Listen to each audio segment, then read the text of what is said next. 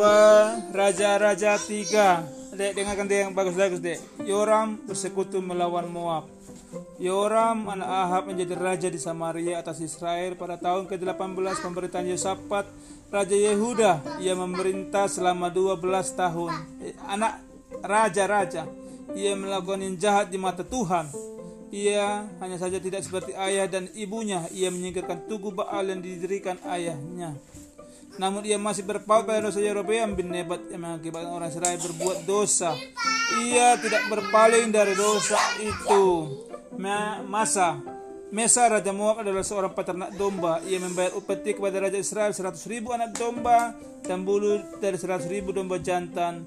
Tetapi sesudah Ahab meninggal, Raja Moab memberontak terhadap Raja Israel. Pada waktu itu Raja Yoram keluar dari Samaria dan memeriksa barisan seluruh Israel.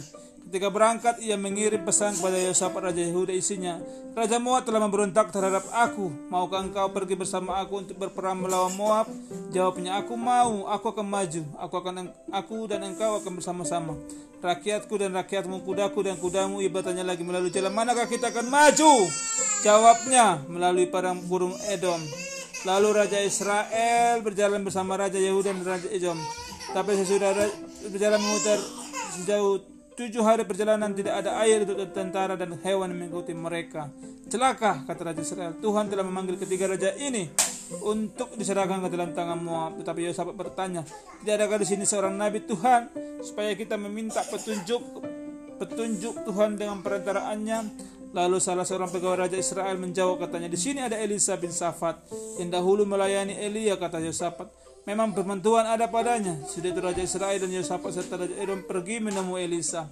Kata Elisa kepada Raja Israel, apakah urusanku dengan engkau? Pergilah kepada para nabi ayahmu dan para nabi ibumu. Jawab Raja Israel kepadanya, tidak. Sebab Tuhanlah yang telah memanggil ketiga raja ini untuk diserahkan ke dalam tangan orang Moab. Kata Elisa, demi Tuhan semesta alam yang hidup yang aku layani, jika tidak karena Yosafat, Raja Yehuda, aku tidak akan memandang atau mengindahkanmu. Sekarang, bawalah kepada aku seorang pemetik kecapi. Ketika orang itu memetik kecapi, kuasa Tuhan meliputi Elisa.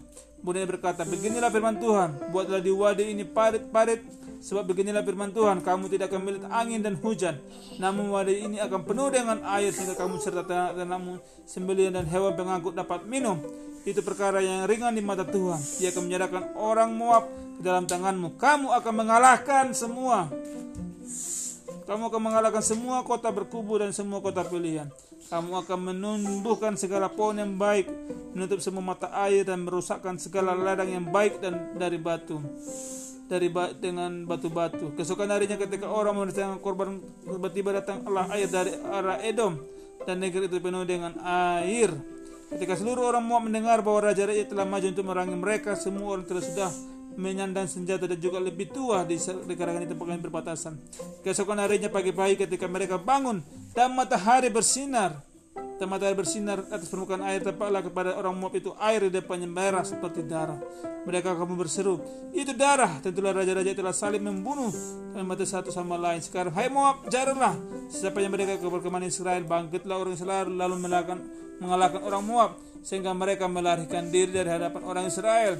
Orang Israel masuk ke negeri Moab dan membantai orang Moab. Mereka meruntuhkan kota-kota setiap orang melemparkan batu ke ladang yang baik hingga menumbuh men- memenuhinya. Mereka menutup semua mata air dan menumbangkan segala pohon yang baik. Hanya kira Haresat yang tertinggal tapi para pengumpat menge- mengepung kota itu dan menyerangnya ketika Raja Moab melihat bahwa peperangan itu terlalu berat baginya ia mengambil 700 orang pe- pemegang pedang bersama dia untuk menerobos keluar ke arah orang Edom ke arah Raja Edom tetapi tidak berhasil. Kemudian ia mengambil anaknya yang sulung. Yang menjadi raja menggantikan dia lalu mempersembahkan sebagai kurban bakaran dari pagar tembok lalu bangkitlah murka yang dahsyat atas orang Israel. Mereka berangkat meninggalkan dia dan pulang ke negeri mereka. Amin